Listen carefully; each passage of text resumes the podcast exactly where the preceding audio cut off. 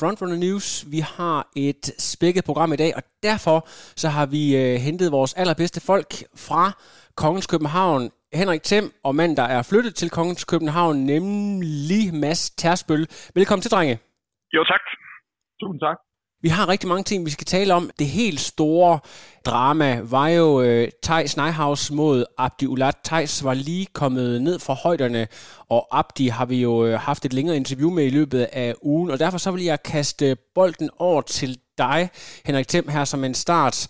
Er du en lille smule overrasket over udfaldet her? Det virker lidt som om, at rollerne har øh, sådan er byttet om i forhold til tidligere, hvor Abdi har haft en lille overhånd, selvfølgelig skader og så videre, men, men her er det altså Tejs, der ikke bare slår Abdi, men, men simpelthen også tager sejren overall.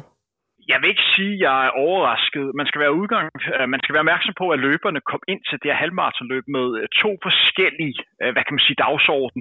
For Abdi handlede det meget om at komme ind og tanke en masse selvtillid. Jeg er godt klar over, at han havde et løb, hvor han lige har løbet under 29 minutter, men det var trods alt i, i Danmark. Og for en, en løber på Abdis niveau var konkurrencen måske ikke særlig hård, selvom der faktisk den dag var mange danskere, der løb godt. Thijs har over en længere periode været rigtig godt kørende, så han har ikke brug for at tanke sindslid. Han har virkelig tro på, øh, tro på sig selv. Og så var det et løb, som på mange måder lå bedre til Thijs end til Abdi. Øh, hvis du går ind og kigger på, på spidsiderne, så øh, de første 5 km går på 14.46. Der er en, øh, der er en pacer på, og så ligger der ellers en yderligere mexikaner, og så ligger løberne øh, sammen her. Det er løb, der på mange måder til gode ser Thijs, fordi han er god til i princippet bare at hænge på hvor jeg tror, at det har været bedre løb for Abdi, hvis der havde været en større gruppe, hvor måske udgangstempoet har været, været højere. Fordi det, der sker her, det er, at Haren udgår, og så kommer det til at ligge Thijs mod Abdi, og hvis der er en løber, som er rigtig god til de her head-to-head dueller, så er det Thijs. Og ikke overraskende, så trækker han fra på de, øh, på de sidste par kilometer og kommer ind i en ny personrekord 1.02.45, hvor Abdi løber 1.03.01. Jeg har kigget lidt i statistikken, og det er noget af det bedste, man har set på halvmarathon-distancen hjemme. Det hører til sjældenheden, at der er to løber i samme løb, der, der løber så stærkt. Og det er jo begge to tider, Øh, som, som øh, melder sig ind på top 10 over de bedste tider, som er løbet på halvmarathon-distancen. Og skal lige nævnes, at det er første gang Tejt slår Abdi på en distance, der er længere end 10 km. Interessant, og jeg skal lige, inden jeg kaster bolden over til dig, Mads, øh, det her øh, møgvejr, Altså, det, det regnede jo helt massivt. Hvilken indflydelse har det haft? Det så næsten ud som om, hvis man så billederne, at øh, uh, Tejs, han elskede det. Altså det der med regnen, der pisker ind i, i fjeset, og han står der bagefter som en, øh, en kriger, der lige er kommet hjem fra slagmarken. Tror du, det, det er noget, der, øh, der hurer den flyvende hollænder? Både, både og. Altså man skal være opmærksom på, at uh, Tejs er lige kommet øh, hvad kan man sige, kom hjem fra, fra højderne, hvor øh, vejret har, har været bedre, end, øh, end det var i, øh, i Østrig. Øh, jeg tror, jeg tror ikke, vejret øh, betød så meget for, for de to løber. Jeg tror mere det faktum, at der ikke var så mange andre løber med, øh, som de skulle dyste mod, der gjorde, at det blev lidt mere sådan head-to-head øh, duel. Og der er Thijs bare rigtig, rigtig god hvor jeg vil sige, at jeg forventede et helt andet løb. Hvis feltet havde været større, hvis der havde været 20 eller 30 løber, øh, løber med, så tror jeg, at den her peget lidt mere over i Abdis retning. Øh, så man kan ikke gå ind og sige, at det her er ens betydende med, at Thijs er favoritten øh, i forhold til øh, duellen, når vi snakker OL. Det viser bare, at når de her to løber løber head-to-head på en halvmarathon-distancen, øh, så står Thijs godt, fordi det typisk udvikler sig sådan, at, at det vil være, hvem der er stærkest til sidst. Og der er Thijs bare en rigtig god løber. Han løber, han slutter altid godt af, og også taktisk klog. Han laver ikke en meter, før der er gået øh, 15 km. Det er Haren, og det er Abdi, og det er en meksikansk løber, og så begynder Thijs efter 15-16 km at gå lidt frem hvis Abdi og mexikaneren var gået ned i tempo efter 10 km, så har man ikke fået den her øh, gode tid. Så, så de kan takke øh, Abdi og den meksikanske løber for, at det bliver ny personrekord til Thijs. Og så skal vi lige have fat i dig, Mads, fordi øh, kursørdagene øh, i Sydsjælland, du er ikke, der er ikke ret mange, der har trænet flere intervallpas, øh, end du har sammen med netop Abdi. Du kender garanteret øh, hans mindste kropssprog og signaler på træthed, signaler på, hvornår han er ovenpå. Hvad tog du med fra det her? Måske har du da været så heldig at tale med ham efterfølgende? Jeg har faktisk ikke øh, fået snakket med Abdi i telefon. Jeg har skrevet lidt med ham, øh, og jeg er meget enig i, i Henriks betragtning omkring løbet, og hvordan han ser Abdi og Thijs PT. Og så øh, med det, jeg har skrevet med Abdi, der, der skrev han selvfølgelig, at han, han havde selvfølgelig håbet på mere, det er klart, men han er, han er super glad for, hvordan det er gået fremad de seneste par måneder. Først med 10'eren, som han løb i, i sidste weekend, hvilket man også lige skulle huske på, at det kun er en uge siden. Og så det her halvmarathon. Og så er han bare glad for, at kroppen tager imod træning, hvilket den ikke gjorde for, for tre måneder siden, hvor han ikke kunne, kunne det store. Men jo, jeg kender absolut godt Abdis øh, styrker og svagheder, og hvordan han agerer, og man kan sige, han er meget den samme type løber, som han var for, for 10 år siden. Altså Abdi er bedre til et meget højt magende tempo lige fra start af, måske endda hurtigere, end han kan holde hele vejen, end han er til, til det, som Thijs for eksempel er god til. Det er måske at, at sikre sig, som Temp siger, at løbe taktisk, løbe lidt, lidt mere konservativt ud, og så være god til at, til at lukke hurtigt af til slut. Så det resultatet overrasker mig ikke. Og så, som Henrik også var inde på, de to løbere kom ind til løbet med en, med en forskellig indgangsvinkel. Og uden det, som Henrik sagde, så skal man også huske på, at Thijs, han lige har været afsted på Ole, øh, sammen med Ole, øh, Ole Hesselbjerg i, i hvad hedder det, øh, Fondromø på træningslejr, og kom direkte fra højden og ned til lavlandet. Og det betyder altså også en del i forhold til, hvordan man performer, fordi en løber som Thijs, han kender efterhånden opskriften på, hvad der virker for ham, når han kommer fra højden. Det er ikke, det er ikke noget, han prøver første gang, det her. Men jeg er bare super glad på begge vejen, og super glad på langdistanceløbs vejen i Danmark, at, at vi har to løbere på, på højt plan på de langdistancer, som kan ligge og presse hinanden. For man skal ikke undervurdere, at når de er så tætte, som de er efterhånden, selvfølgelig ønsker de det bedste for hinanden, men de vil i den grad også være den bedste dansker, og det gør bare, at tiderne bliver hurtigere og hurtigere, og præstationerne og barrieren sættes højere og højere. Mads, der er noget, hvis der er noget, du elsker, så er det, når øh, løber tør melde offensivt ud, tør og offentliggøre deres øh, ambition på forhånd. Og, og Abdi var jo ude og melde en øh, dansk rekord ud, og det har øh, Thijs jo også tidligere gjort. Alligevel så øh, var de med omkring 50 sekunder fra Carsten Jørgensens øh, øh, bedste tid her? Altså, var det, var det, øh, det forholdene, de løb under, eller hvad skyldes det, at vi ikke øh, kom tættere på? Det var jo altså to danske løbere head-to-head, altså man får nærmest ikke bedre betingelser. Ja, først og fremmest var der selvfølgelig aspektet med vejret, hvor der var noget regn og noget vind. Men som Henrik også meget fint fortalte, så var det et, det var ikke et, forstå mig ret med al respekt, det var ikke et stort europæisk topniveau felt. Så det vil sige, det var ikke, de skulle selv ud og skabe løbet hvilket specielt Abdi og mexikanerne også var med til at gøre, og Thijs så til sidst virkelig kørte sig frem i, i stilling. Så hvis de skulle have løbet så stærkt, for det første, så tror jeg helt objektivt set, de er ikke i form til at løbe dansk rekord endnu. Det tror jeg, de er senere, muligvis senere på sommeren. Og så skulle der simpelthen være nogle bedre løbere, de bare kunne hænge på frem til 18-20 km, for det kan lade sig gøre. Og så vil jeg lige her til afslutningsvis med øh, uh, Tejs og Abdi for denne her udsendelse, så vil jeg lige spørge dig til sidst her, Henrik. Det der med, at man vinder et løb, kontra det her med at sætte en hurtig tid. Hvad, hvad gør det ved en løber? Altså øh, sejre, det er jo ikke, når man sådan løber internationalt, det er jo ikke noget, som øh, danske løbere øh, har været alt for, øh, ja, kan man sige, begunstiget med. Så, så hvad tror du, det kan gøre for en løber selvtillid at gå hen og vinde sådan et løb? Lige præcis på Thijs, der tror jeg faktisk ikke, det betyder så meget, fordi Thijs har rigtig meget selvtillid øh, i forvejen. Han har virkelig haft en lang periode, hvor han har opnået flotte resultater. Det er et stykke tid siden Thijs øh, decideret haft et dårligt løb. Man kan godt argumentere for, at han havde et dårligt løb øh, ved verdensmesterskabet på, på halvmarathon, men det er måske det eneste i en periode over øh, to år. Jeg vil også gerne knytte nogle lidt flere kommentarer på, på det løb, Øh, man så, og i forhold til, hvor det er, man ligger med dansk rekord på den her 1.01.55. Jeg, jeg tror faktisk, at vi er ganske tæt på at have en løber, der sætter dansk rekord. Jeg tror, at den rekord bliver, bliver slået i år, og jeg tror, at det er en af de her to løber, der står med de, de bedste chancer for, for at kunne gøre det. Men det kræver et, de form til det, og så to, så kræver det et løb, hvor det er muligt.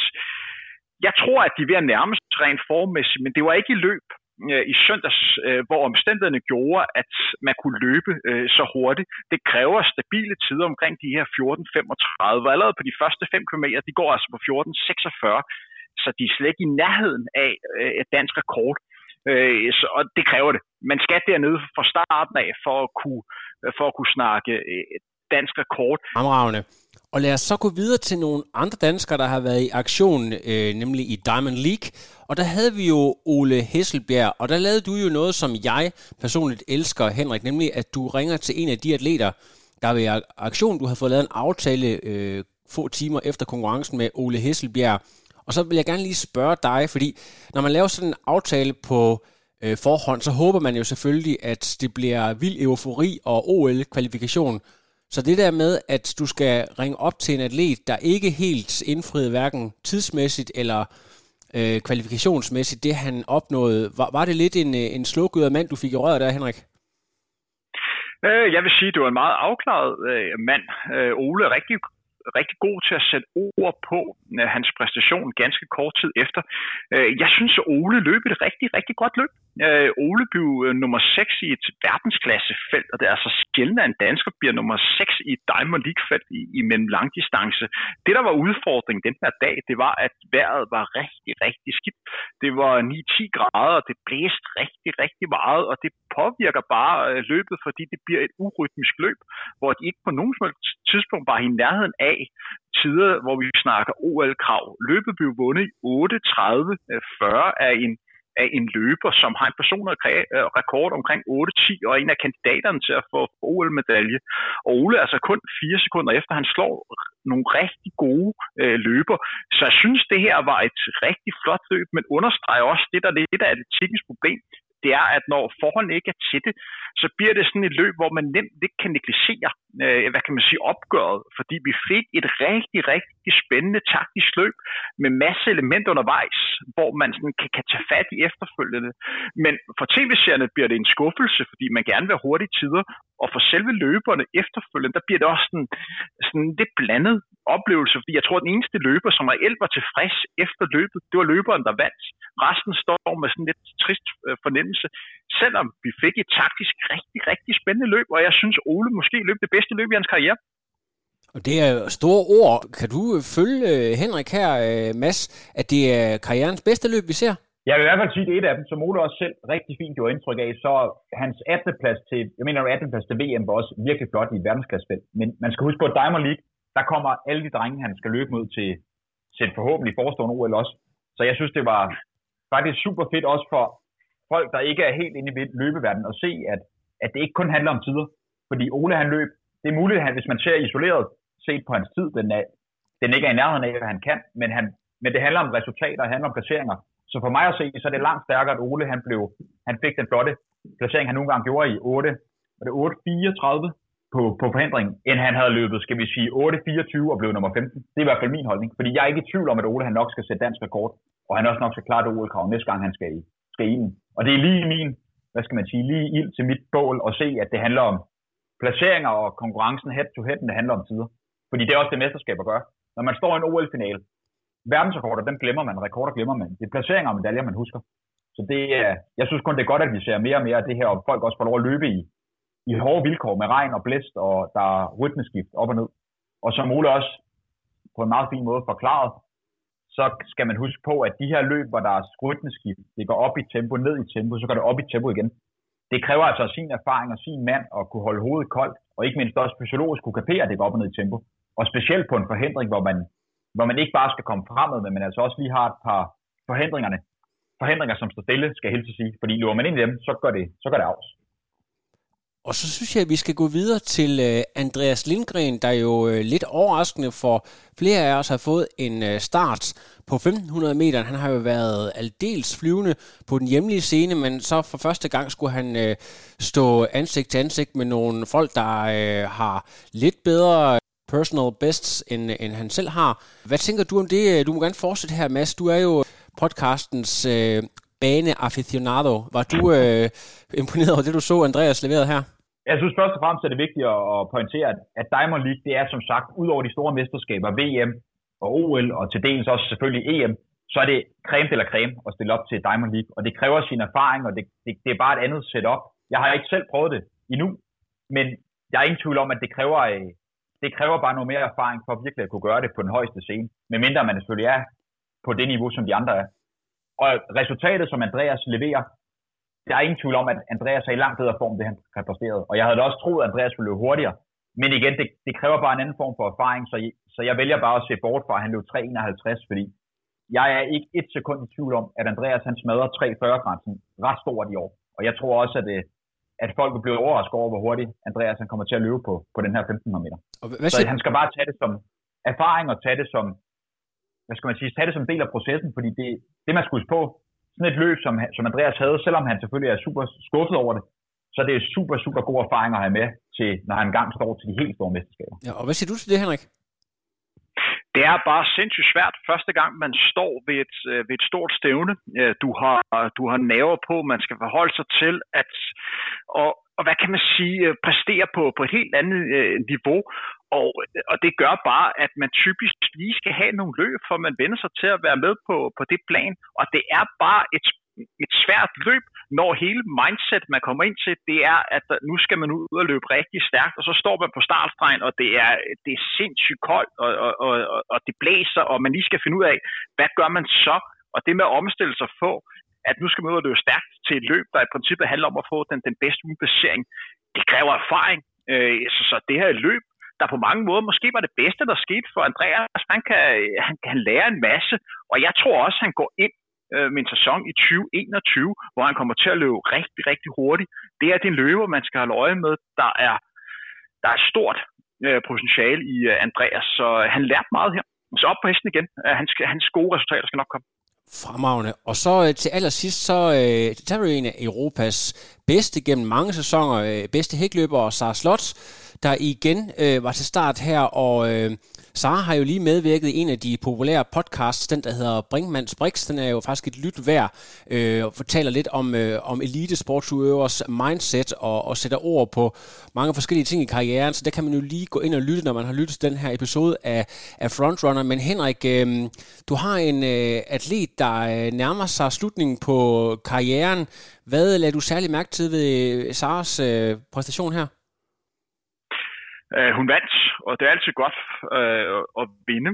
Uh, hun løb 56-32. Det er rigtig svært at konkludere noget som helst på, på den vindertid, fordi forholdene ikke var særlig gode. Og især i sprint, så er der altså en udfordring. Ja, det er koldt, og det blæser meget. Fordi hvis du går ind og kigger på fakta, så er hun tre sekunder efter sin, sin personlige rekord. Og det er selvfølgelig en del, når man kun skal løbe 400 meter. Men hun får en sejr, og jeg, jeg er lidt usikker på stadigvæk, hvor hun står henne nu her, fordi jeg er, ikke sikker, øh, jeg er fuldstændig sikker på, at hun får trænet godt igennem. Jeg er sikker på, at hun rigtig gerne vil det. Det jeg er usikker på, det er, om hun har den sult, der skal til lige at træne de sidste par procenter, fordi det kræver altså sit hele tiden at tage sig selv op, når man har opnået det, som er, som er topniveauet, højdepunktet på sin karriere. Vi snakker om en løber, som er blevet europamester, som er blevet, har vundet sølv til OL, og skulle blive ved med at hive kræfter op til virkelig at banke det ene hårde træningspas efter det andet, når man godt ved, at det her det er den sidste sæson, og man måske har toppet. Øh, det kan nemt gøre, at man lige mangler øh, den sidste sult. Det, der øh, man så kan sige som modargument, det er, at hun måske går lidt mere afslappet ind til tingene, og måske nyder det en smule mere, fordi hun har opnået sine resultater. Hun er sikker på, at hun får en plads øh, en af de første sider i dansk atletikhistorie, fordi hun har et CV, som er bedre end langt de, de fleste. Så det kan gøre, at hun er måske lidt mere afslappet, men jeg ved, hvor meget sult øh, betyder. Jeg vil også lige skyde den over til Mads, fordi du vil også enig med mig, at man kan godt sætte et spørgsmålstegn øh, ved, hvor sult hun er. Ja, vi er meget enige i din betragtning for, for begge vinkler, og som du siger, kommer ind på, Henrik, så skal man lige huske på, Sara Slot der, hvis ikke man er inde i, i atletikverdenen, så tænker man måske, og man er motionsløber, tænker man måske mest på mellem- og langdistance. Men i min perspektiv, mit perspektiv, så er Sarah Slot den absolut største champ, vi har hjemme i atletikkens verden. Hun har altså fået sølv 2 l Det er fuldstændig vanvittigt. Det er noget af det ypperste. Og ikke mindst at blive europamester. Og som Henrik siger så, når man har været næsten på toppen, altså hun har næsten smagt, selvfølgelig ved alle blive olympisk mester, men hun har jo præsteret noget, som en promille af en promille af en promille nogensinde kommer til at, til at opnå. Så på den ene side, som, som du siger, Henrik, så kan man måske stille spørgsmålstegn ved i forhold til de skadesproblematikker, hun har haft, og, og den alder, hun nogle gange har, hvor stor sulten er. På den anden side, så hun er måske mere afslappet og ved, går ind med et klart sind omkring det her. Det er en sidste sæson, så hun vil gerne lige malke det sidste juice ud af benene. Så jeg er rigtig, rigtig spændt på at se, hvor, hvor, hvor hun står henne, når vi, når vi nærmer os OL. Det er, det er mig lidt ubekendt, hvor hun står henne, men jeg er sikker på, at Sara, hun har om nogen erfaring, hun har om nogen mindset og dedikation til det. Og jeg er sikker på, at hende, hendes træningsgruppe og, og Mikkel nok skal sørge for, at om ikke andet, så får hun det maksimale ud af sin fysik i år. Så det bliver... hendes, hendes udfordring i forhold til OL, det er, at dem, der ikke er atletik kyndig. de vil kigge på en atlet, som er europamester og vandt OL-sølv sidste gang. Så de vil behandle hende som en, der kan tage medalje til OL.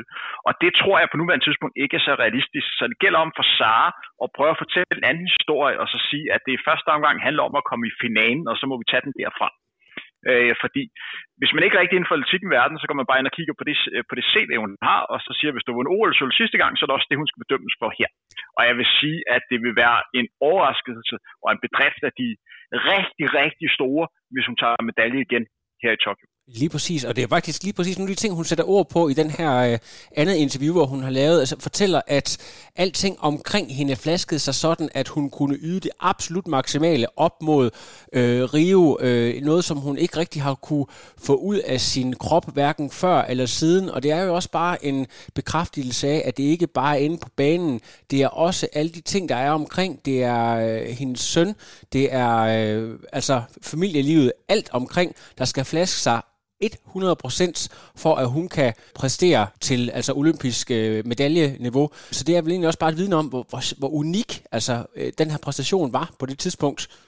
Ja, det var en vanvittig bedrift, hun lavede i 2016, og en af de absolut højdepunkter, øh, som jeg har oplevet øh, i, i de år, jeg har interesseret mig for atletikken, og det har jeg gjort et, øh, et par år øh, efterhånden.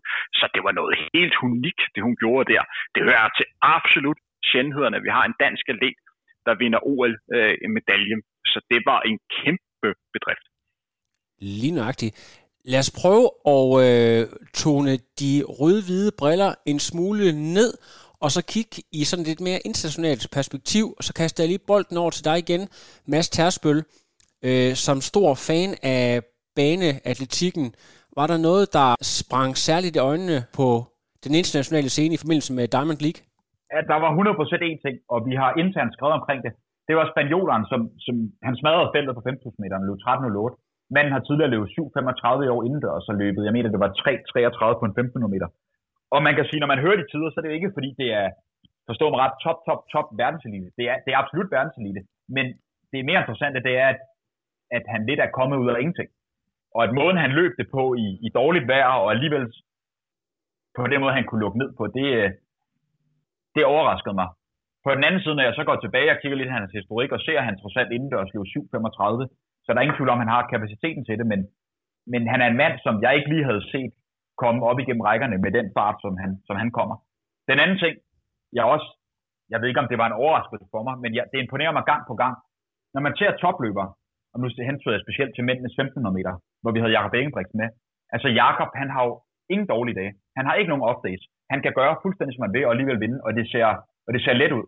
Altså det imponerer mig, den kontinuitet og stabilitet, han har, fordi selvom han er løbet på, på topniveau for han ret mange år, så er han stadig en ung gut, og selv erfarne gutter, de har typisk off days. Men Jakob, det virker som om, at han kan, som han sagde i et interview til, jeg tror det var Athletics Weekly for nylig, et 40-minutters øh, interview, man faktisk kan finde på nettet, som jeg vil anbefale. Der, der udtalte han jo, at, at hans mål det er at blive så god, at han kan vinde på alle måder. Han skal være så meget bedre end de andre, at uanset hvordan løbet former sig, så kan han vinde. Han skal blive så god, at det næsten bliver kedeligt, så han kan gøre ligesom Elgar Rus gjorde i gamle dage. Da han først havde vundet ved at løbe fra fronten mange gange, så lagde han sig ned i feltet og prøvede nogle andre taktikker af. Og jeg elsker udtalelser, som Jakob har, fordi han har om noget, nogen, han har om nogen noget bagt op i. Så det er kæmpe kudo til, til Jakob for os at, at vise, at, at han kan gøre det, som han nogle gange vil.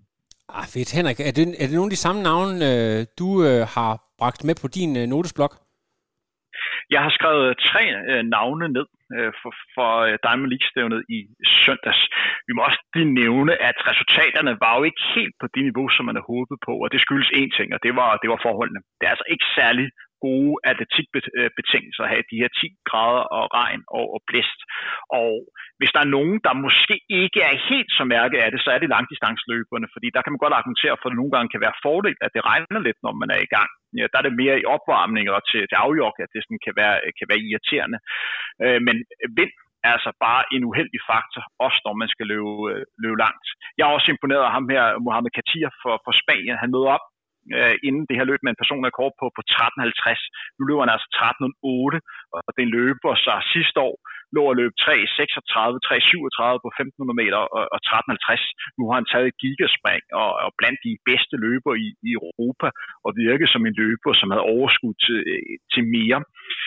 En ting, som jeg også blev mærke i, det er, at Kenya har efterhånden haft et kæmpe problem på, på mændenes 5.000 meter. Man er jo vant til at se rigtig, rigtig mange kenyanske løbere, som løber stærkt på den distance. Men siden OL i 2016 i Rio, hvor der ikke var nogen kenianer med i OL-finalen på 5.000 meter, det er altså en sjældenhed, at, at det sker.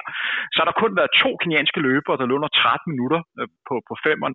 En af dem, det var en løber, der hedder Kim øh, Melli, som satte sin personrekord sidste år på det her Diamond League-stævn i Monaco øh, hvor han løb 12.51. Det er en flot tid. Hans udfordring den dag, det var bare, at der var en Cheptegei, som løb øh, 12.35 og satte verdenskort og tog alt rampelyset.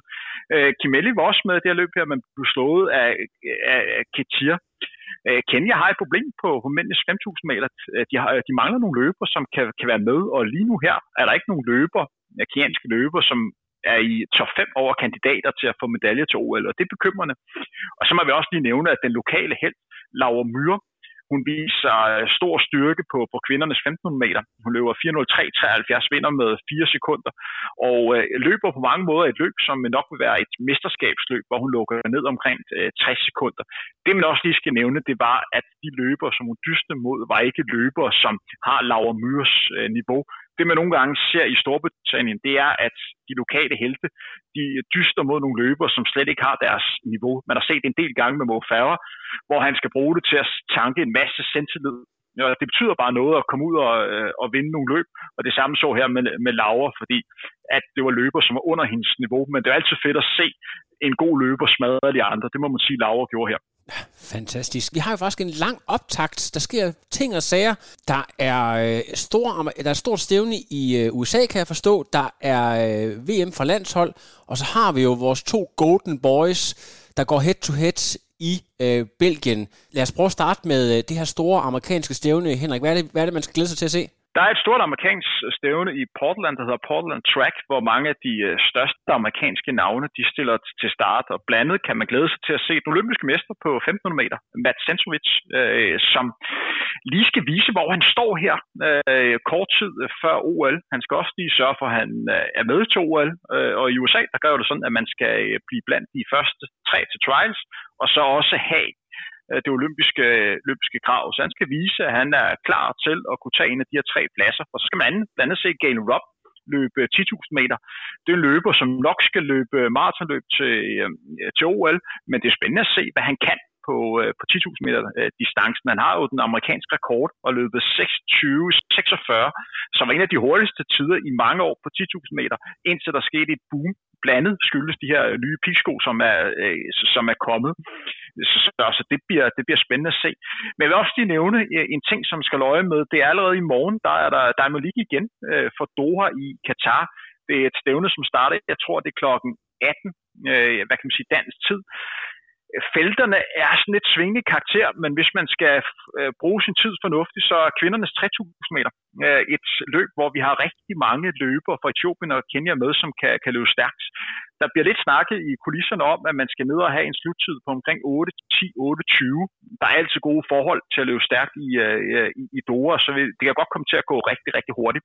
Vi har jo en verdensrekord på kvindernes 3000 meter, som er så hurtigt på 8.06, som en kinesisk løber løb i 93. Så det var altså dengang, man snakkede om de her skildpaddeblod, som nogle af de her kinesiske, øh, eller kinesiske løbere øh, tog. De næste hurtigste tider, som er løbet på kvindernes 3000 meter, det er sådan noget 8.15, 8.16, 8.17. Så det bliver spændende at se, hvor er det, man kommer til at ligge her. Men jeg tror, det er sandsynligt, at vi kommer til at se en rigtig, rigtig hurtig tid. Og så var det det her VM for landshold. Det har jeg aldrig hørt om. Hvad går det ud på? Øh, lige korrigere dig, det hedder det Europamesterskabet for... Øh, Europamesterskaber for øh, landshold. Europa, Europamesterskabet for, for landshold, og det er i princippet, at man konkurrerer om at have et, øh, det bedste øh, landshold øh, inden for atletik, så man dyster på, på alle discipliner, og så er det det landshold, der klarer sig bedst rent øh, på pointmæssigt, der så ender som med at tage titlen, og det er jo de traditionelle store atletiklande som Storbritannien, Polen, øh, Tyskland, øh, Frankrig og Rusland, som er med her. Og det er jo noget, som både mig og Mads har været, har været med til, hvor vi så dystet for, øh, for Danmark i de lidt mindre øh, divisioner. Jeg kan blandt andet nævne, at ham løberen, som jeg er med i dag, Mads, han har jo vundet sin øvelse tilbage. Var det første division? Ja, du vandt der, Mads. Kan du huske det? Ja, lige præcis i Bulgarien. Det, øh, det, var, det var en stor fornøjelse. Øh, og så ellers i weekenden skal jeg også nævne, at man kan jo kigge lidt med for Prag, øh, hvor man prøver at lave en maratonstafet, hvor der er løbere, der sådan deler et maraton øh, sammen. Så det handler simpelthen om at få den, den bedste tid på maraton øh, øh, forhold. Og det er noget, som man lidt prøver som en prøveballon for at kunne se, at det her er noget, som man skal arbejde øh, videre med i fremtiden. Lige i øjeblikket, der laver man en masse nytænkende idéer inden for, for atletik og de her landevejs-events for at gøre sporten endnu mere interessant. Nogle ting fungerer, andre ting øh, fungerer ikke, så det bliver spændende at se, hvordan det kommer til at fungere med sådan noget holdmarathon. Jeg har selv prøvet at løbe sådan et holdmarathonløb. Øh, jeg har blandt andet været med til at vinde øh, Milano Marathon og Wien Marathon og, og Nice Marathon øh, ved at sådan holder. Jeg synes, det er meget fedt, at man er en del af et team og konkurrerer ikke kun for sig selv, øh, for andre. Men en ting er, hvad det er for løberne, men det skal også gerne være fedt for dem, der, dem, der kigger med. Lige præcis, var det der, hvor at, øh, Morten Munkholm, han glemte at anstrenge sig? det var? Ja, Morten Munkholm tog røven på mig. Øh, det var sådan, at vi var, øh, vi var afsted øh, et hold nede i, i Wien. Øh, vi havde en, øh, en, en god ven, øh, som var vores, kan man sige, øh, vores sponsor på de her ture. Og øh, han ville rigtig, rigtig gerne løbe anden tur der i Wien, hvor han gerne ville løbe med Heilig på Selassie. Øh, og det var efter, efter 15 km. Så mig og Morten skulle finde ud af, hvem der skulle starte med at løbe den her første tur i, i bil, hvor vi altså skulle ligge og løbe 5 km i 3.00 hastighed, for at vores øh, hvad kan man sige, sponsor, vores gode ven, skulle så have muligheden for at løbe med Heilig på Selassie. Og så den der løber, der ikke skulle gøre det, han skulle så løbe sidste tur, der var omkring 10 km. Og det var så, øh, det var så Munkhold, der fik den ære, for det var den af os, der var bedst løbende på, på det her tidspunkt. Så, så jeg står, på, øh, står og venter derefter 30 km og øh, min tur, og jeg er rimelig sikker på, at det er os, der skal øh, aflevere Depeche som, øh, hvad kan man sige, som den første. Men der kommer ingen løber, danske løber ind til mig, så jeg får det her som den sjette løber, altså jeg får rigtig, rigtig travlt for at kunne hente de andre løber til sidst. Fordi det her løb, var interessant for os, hvis vi vandt løb, fordi så ventede der en, en, en rimelig god bonus, hvor at vi fik ikke en krone, hvis vi ikke vandt. Ja. Så jeg løb alt, hvad jeg kunne til sidst, for at jeg kunne vinde det her løb her. Og så kommer jeg i mål, og den første, jeg møder, efter jeg har fået vejret, jeg tror også, jeg, der var lige noget, der skulle op, fordi jeg skulle virkelig løbe alt, hvad jeg havde. Det var Morten, der sådan grinte af mig, og sagde, det var da en nem dag på kontoret i dag, var ikke Henrik? For han havde jo selvfølgelig ligget og fedet den i starten. øh, øh, den hund, så øh, jeg kunne betale regning af til, til sidst. Så den kloge narer den mindre klog. Det, det er fantastisk. Øhm, jeg skal lige høre, inden vi lige går ind og snakker øh, opgøret, det store opgør mellem øh, Jol og Axel. Øhm, Mads, skal du jo sidde på turbotræneren og sidde og se øh, amerikansk atletik, eller hvor skal din fokus være? Du kan jo næsten ikke nå at se det hele. Jeg kan næsten ikke nå at se det hele, nej, men jeg elsker, når der er noget god atletik i, på computerskærmen, man kan sidde og se, mens man sidder og træner. Det er, det er fedt. Og jeg skal jeg indrømme, et lille motivation til, hvis folk ikke kommer i gang med træning, det er at fyre op for noget god, noget god sport, noget god atletik, og hver gang der bliver rykket, så rykker man selv, om det er så på løbebåndet, eller det er på cyklen, eller hvad det er. Det, det kan altså noget. Ja. Jeg har øh, præsteret, jeg tror det var EM indendørs for et par år siden, hvor Laura Myr, hun vandt på både, jeg mener hun tog dobbelt. Der kørte jeg intervaller tre timer på crosstræner, og jeg, det føltes som en halv time, fordi jeg var så meget op at køre, og folk troede, jeg var sådan en en freaky fitness, fordi jeg tror, jeg lavet både øh, yes-udbrud og så videre, hver gang, at det, der blev løbet stærkt, og, og folk kom ind over målstregen og, og bare præsterede godt. Så øh, det var bare en lille sideanekdote. Jeg skal helt sikkert sidde og se noget atletik i weekenden. Og, og jeg skal lige høre, er der nogle go-to-sider, øh, hvor, hvor plejer du at følge med fra? Altså generelt så, øh, generelt synes jeg, at de britiske og amerikanske gør det ret godt i forhold til de kommentatorer, de har. Men sådan et generelt tip, der findes jo mange streamingtjenester, men men typisk, hvis man går ind på det, der hedder watchathletics.com, de lægger typisk forskellige link ud.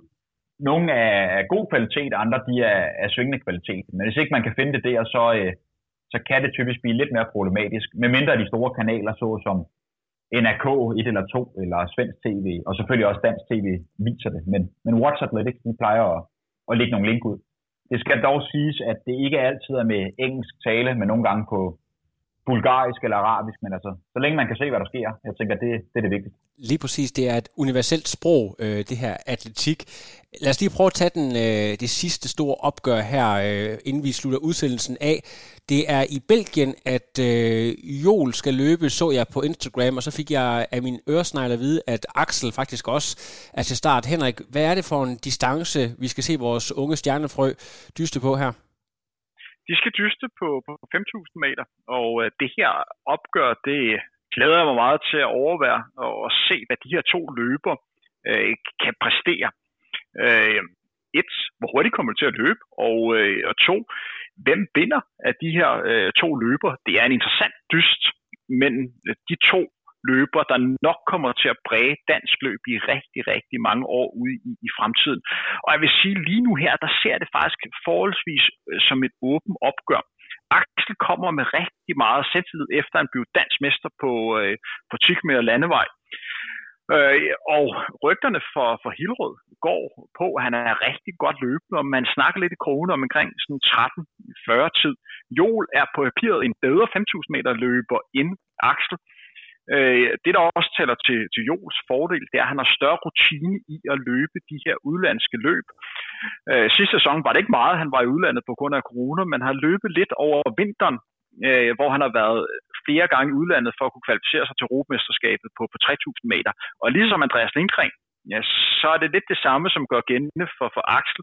Det er, det er bare noget nyt at konkurrere i udlandet kontra at konkurrere herhjemme. Det kræver rutine, og det kræver erfaring, fordi det er en helt anden rytme, man skal forholde sig til, når man konkurrerer i, øh, i udlandet. Øh, og, og det gør, at, at jeg ser det som et meget lige opgør. Måske pin peger lidt mere på jul i forhold til, hvem der kommer først. Okay. Så kaster jeg lige bolden direkte over til dig, Mads. Altså 1340 siger Henrik her, det var jo det, som Morten Munkholm løb i slutningen af sin karriere, da han var øh, midt slut 20'erne. Her har vi to atleter, som øh, nærmest ikke engang er fyldt 18 år endnu, som, som meldes ned på de her tider. Vi lavede en podcast sammen for ikke så lang tid siden, hvor du sagde, at du regner med, at den danske rekord, altså Dennis Jensens rekord, bliver udfordret. Hvad, hvad tænker du? Er, er det realistisk, at vi ser øh, tider under 1340? Ja, som sagt, jeg regner med, at den danske rekord bliver udfordret inden for to år. Ikke, at den bliver udfordret i år. Men Joel og Axel, for at tage de, de to unge superstjerner, de er, altså det er dybt imponerende, hvad de gør. Og man skal også huske, udover at de har et kæmpe potentiale, så træner de altså også hårdt og har planlagt deres dagligdag efter at blive de bedst mulige løbere. Så stort kudo til dem. Når det så er sagt, hvis øhm, det er muligt, det er deres sæsonåbning på, på en 5.000 meter, men de begge to løb nogle rigtig, rigtig flotte tider, og begge to pænt under 8 på 3.000 meter i, i vinters. Så det vil sige, form matter.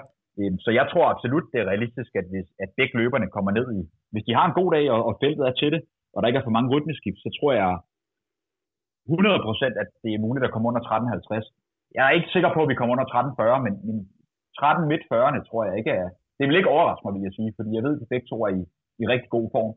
Og så for at lege djævelens advokat, så er jeg simpelthen også nødt til at sige, at når man sammenligner med for eksempel Morten Munkholm og, og løberne inden da, der er altså kommet de her supersko, og de er også kommet ud på pitskomarkedet nu, og man skal ikke undervurdere, at de sko giver noget. Og jeg lægger gerne hovedet på bloggen.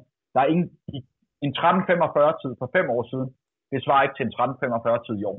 Man kan sammenligne løberne indbyrdes i den samme konkurrence, man kan bare ikke sammenligne tider, tiderne tilbage i tiden. Og det samme, når Dennis rekord bliver slået en dag, så vil man altid tvivle på, eller tænke på, hvad kunne Dennis ikke have løbet, hvis han har haft supersko på fødderne. Det er jeg bare nødt til at sige, så folk de ikke brænder og tror, at de pludselig er kommet i meget bedre form, de, end de egentlig er kommet i. Fordi det ser man desværre tit blandt mange motionister, at de tror pludselig, at det er form, der, der rykker helt vildt. Det kan det også være, men de skal bare vide, at være opmærksom på, at skoene, de giver altså noget. Selvfølgelig. Øhm, jeg tænker på, er der nogen, der har helt styr på sådan noget med ungdomsrekorder? Vi har jo to øh, atleter, der øh, er unge nok til at skulle gøre sig gældende, når man taler sådan europæisk og nordisk rekordsammenhæng. Har du styr på det, Henrik? Ikke udenbart. Jeg er sådan rimelig sikker på, at der bliver slået dansk ungdomsrekord øh, nu her på, øh, på lørdag og søndag, hvor der er de, øh, de, løber i Belgien. Den eneste løber, altså, jeg lige kan, kan huske, der måske har løbet en tid som match, det er jo hedder Krone Henrik Jørgensen. Altså, øh, ungdoms, internationale ungdomsrekorder, der, øh, det tror jeg ikke, det, det bliver. En ting, som vi også skal have fokus på, og, og Mads var lidt inde på det, det er også lidt det her med at ligge i et felt. Fordi øh, det er bare anderledes at løbe i udlandet kontra at løbe i Danmark det, man skal være opmærksom på, når de løber i Danmark, det betyder bare lidt, at med den her unge øh, talent, det vil øh, gøre, at man får måske lidt mere plads, så man kan lidt bedre løbe rundt i feltet. Det gør det altså ikke i udlandet. Altså, i udlandet skal de, øh, skal de lære at finde deres plads i, i feltet, og det er ikke nødvendigvis sikkert, at de kommer til at ligge inde i savl, så de kan nemt komme til at bruge rigtig mange kræfter til at finde deres placering. Og hvis vi sammenligner lidt med, med Morten Munkholm, som det måske er den tid, som vi skal op imod, for han har løbet de her 13.40, som han gjorde i 2013, den hurtigste dansker, siden Dennis Jensen havde sin storhedstid. Man skal tænke på, at Dennis Jensen, han satte sin rekord i, øh, i, år, i år 2000, hvor han var rigtig, rigtig tæt på at komme med til OL i Sydney. Jeg tror kun, var en tiendel, han var fra. De næste fire år, der løb han inden for fire sekunder på 5.000 mænd øh, hver eneste år i samme stævn øh, i højsten. Og den hurtigste tid derefter, det er altså øh, Morten Munkholm. Morten var et unikum til at ligge sig rigtig godt i, uh, i et felt. Han traf altid den, den rigtige beslutning. Han, han lå midt i feltet, an til, ind til savn og, og, og passe på sig selv. Og det kræver altså rutine. Og det vil, vil kræve nogle løb for dem lige at finde ud af, hvor er det, man skal, skal lægge sig henne, fordi det betyder bare noget, så man får den her ordentlig rytme og kommer godt i gang øh, med løbet, fordi ellers så kan det nemt blive sådan et løb, hvor man lige skal ligge hele tiden og forholde sig til, hvad gør løberen foran, så går det nu for hurtigt, går det for langsomt, skal man lige overhælde nogen, skal man gå ud i bane 2 eller gå ud i bane 3. Det er noget, som der koster energi og kan med til at gøre, at det bliver rigtig hårdt efter 3 km. Og det hårdeste på, på en femmer, det er jeg sikker på, at Mads han er også enig med, det er den her, den 4 km, fordi den kan være modbydelig hård, hvis man kommer for hurtigt ud på en femmer. Lige præcis. Jamen, jeg... har du, kan du lige knytte et par afsluttende kommentarer på den, uh, Mads? Jo, men det der er ved 5.000 meter i forhold til, altså alle distancer har hver sin charme, og de har hver sin forskellige form for smerte. Men 5.000 meter, jeg synes, det, ham der udtrykte det bedste, det er Chris Solinski, som var den første hvide mand til at bryde 27 minutter på 10.000 meter tilbage. Vi skal komme tilbage til 2010, tror jeg. Den sæson, der løb han, jeg mener, det var to eller tre gange under 13 minutter på en 5.000 meter. Og tit så tror jeg, at folk har en idé omkring, at, at for topsportsfolk, så føles det, fordi det ser relativt let ud, så, det, så gør det egentlig ikke så ondt. Men Chris, han sagde, at allerede efter de første 200 meter, der begyndte han at, at redline, altså lå i, i et live, hvor det gjorde så ondt, at han tvivlede stærkt på, at han havde kommet igennem løbet. Så min pointe er mere, at 5.000 meter, den gør bare, det er så højt et tempo, at det er svært at disponere den 100% korrekt, fordi man kommer til at tvivle. Man har tid til at tænke og få selvmedlidenhed, og som Henrik siger, omkring 4.000 meter, specielt mellem 3 og 4 km, en ting er det fysiologiske, at man syrer til og er super forpustet, men mentalt, der begynder man også bare at få ondt af sig selv, og det er der, man virkelig skal vise, om, om man vil det her, og hvor meget man vil det her. Fordi hvis man har to løbere, der er i samme form, så er der ingen tvivl om, det er ham, der har det mentale med, og ham, der er villig til, eller hende, der er villig til at lide mest, som kommer først over vejen. Og en ting, man skal håbe på for de to løber, og at Øh, at det, er, at det vil være en kæmpe fordel for dem, hvis der er det her nye lysregulering, det her LED-lys, så de får hjælp til at holde optimal pace øh, hele vejen igen. Vi kan bare se, at det gør altså en stor forskel for løberne med, at de kan få hjælp til at holde et optimalt hastighed hele vejen igennem. Øh, det giver altså rigtig, rigtig meget, at man kan få hjælp til at holde et stabilt tempo hele vejen igennem interessant at se, hvad der kommer til at ske, og har I, øh, jeg ved ikke, om I har øje på nogle af dem, de skal løbe mod. Er det nogle øh, hard hitters, eller er det sådan nogle fra de lidt mindre kendte øh, rækker, de skal op imod trods alt? Jeg har ikke set, jeg har ikke set en startliste, men altså, vi kan lige nævne, at en, en tredje dansker, Mikkel Dahl, han lige i øjeblikket står på, på venteliste for, for at komme ind. Selvom man godt kan argumentere for, at Mikkel Dahl måske har præsteret bedre på 5.000 meter distancen de to unge herrer. Men her betyder det bare lidt, at man er en relativt ung løber, øh, og det gør altså, at Mikkel lige i øjeblikket står i en venteposition. Jeg håber for dem, at det er løber, som ligger omkring 13.30 til, 13.50, så du får et nogenlunde jævnt løb i sådan 2.45 hastighed, som er en 13.45 sluttid. Det tror jeg er, er det niveau, som det ligger på. Øh, jeg tror ikke, vi kommer under 13.40 her, men jeg tror, vi nærmer os et eller andet sted med 13.45 til 13.50. Det tror jeg er det mest sandsynlige. Og der kan jeg faktisk byde ind, fordi jeg har netop set startlisten, som Axel og Joel skal løbe. Og vi har øh, 10 mand under 14, hvor den hurtigste er løbet 13-18, og så ligger det ellers i spændet omkring 13-20 til 13 nogen 30. Og så har vi et par mand omkring 13-50 stykker, og så ligger de ellers fra 14 lidt op til 14-17. Så det virker til, at der bliver løbet ret stærkt foran, og så er spørgsmålet, om de kan finde en gruppe i det tempo, som Joel og Axel gerne vil, vil løbe i. Fordi ellers sender de lidt i ingenmandsland, hvor de ligger alene og skulle, skulle kæmpe om sagerne.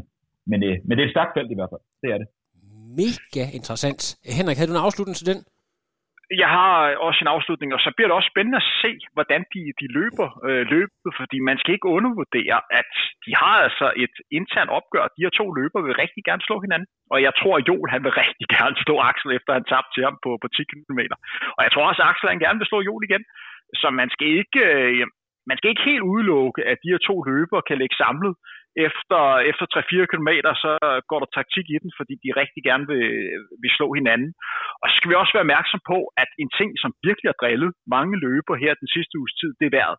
Altså, det er nærmest været skræmmende at se, hvor dårligt vejr man har haft i, rundt i Europa. Det ser ud som om, at det er ved at begynde at ændre sig en lille smule, og det betyder bare noget, når de her løber her det sidste stykke tid har ligget og trænet under øh, hvad kan man sige, kolde og, og våde forhold, og lad os sige, at de kommer ned til Belgien, og så er det måske 25 grader. Øh, det kræver altså lige lidt tid at vende sig til kroppen til at præstere i lidt anderledes forhold end ellers. Lige. Øhm, lad det være ordene. Vi har faktisk lige fået en service-meddelelse, som jeg synes, vi skylder at følge op på. Vi snakker lidt om det her aflysning af DM i maraton. Det forlyder, at øh, Odense har budt ind på, på DM, og det er jo et sted, hvor der har været afholdt øh, DM af flere gange. Jeg tror faktisk selv, jeg deltog godt nok ikke i eliten tilbage i 2009. Så det er i hvert fald et sted, hvor man har erfaring med det. Og det er vel egentlig positivt, eller hvad Henrik? ja, det er meget positivt. Det undrer mig lidt over, at de ikke har spurgt dem, før de meldte ud, at de gerne vil aflyse det, fordi vi har jo holdt dansk mesterskab i Odense øh, øh, tidligere, og det er vel alle interesse, at vi får et, et dansk mesterskab. Det eneste, der måske ikke har interesse i det, det er ham, der har den danske mesterskab lige i øjeblikket, nemlig Simon Holbæk, hvor han vil nok tænke, ah, jeg vil sgu gerne have den titel øh, endnu et år. Øh, så, så, men det er da fedt, at øh, vi forhåbentlig kan få et dansk mesterskab på maraton. Det mangler der bare. Ja, lige præcis. Jeg ved ikke, øh, det her maraton, halløj, er det noget, du har nogen øh, som helst holdning til, øh, Mads? Altså, jeg synes jo, at alt løb er, super fascinerende.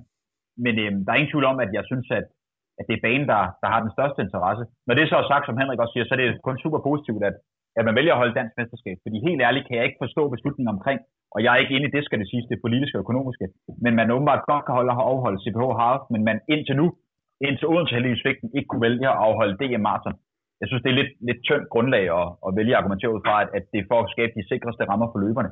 Fordi vi så jo, eh, Enbro for eksempel, kado til dem, de har lige afholdt en maraton på en lille fin rundstrækning, så der er ingen tvivl om, at det er muligt, hvis, hvis viljen er der. Det er samme et kæmpe gave til Claus Heckmann, som lige satte en rigtig fin 10 km op for nylig. Der skal altså ikke altid det vildeste til for at afholde et dansk mesterskab, fordi vi snakker trods alt ikke verdensmesterskaber, hvor der skal være en masse logistik på plads. Ej, ja, der vil jeg også lige øh, knytte kommentar. Hvis du kan afholde et maratonløb rundt om Fældeparken, øh, hvor du har det største testcenter, vi overhovedet har i Danmark, øh, midt i Fældeparken, plus der to timer senere skal være et opgør mellem øh, FCK og, og Brøndby, øh, som skal afgøre det, det danske mesterskab, hvor man forventer op til 15.000 mennesker. Hvis du afholder et maraton samme dag, så kan man vel også afholde et maratonløb lidt andre steder under de her øh, coronarestriktioner. Tusind tak for øh, jeres meget kyndige øh, kommentar kommentarer til den aktuelle situation. Frontrunner er tilbage allerede i næste uge med mere aktuel news. Vi øh, glæder os blandt andet til at følge Axel Wang og Jol her i weekenden, og forhåbentlig ser vi en øh, ny, hurtig dansk tid på 5.000 meter. Til alle lytter derude, nyd vejret, og stay tuned.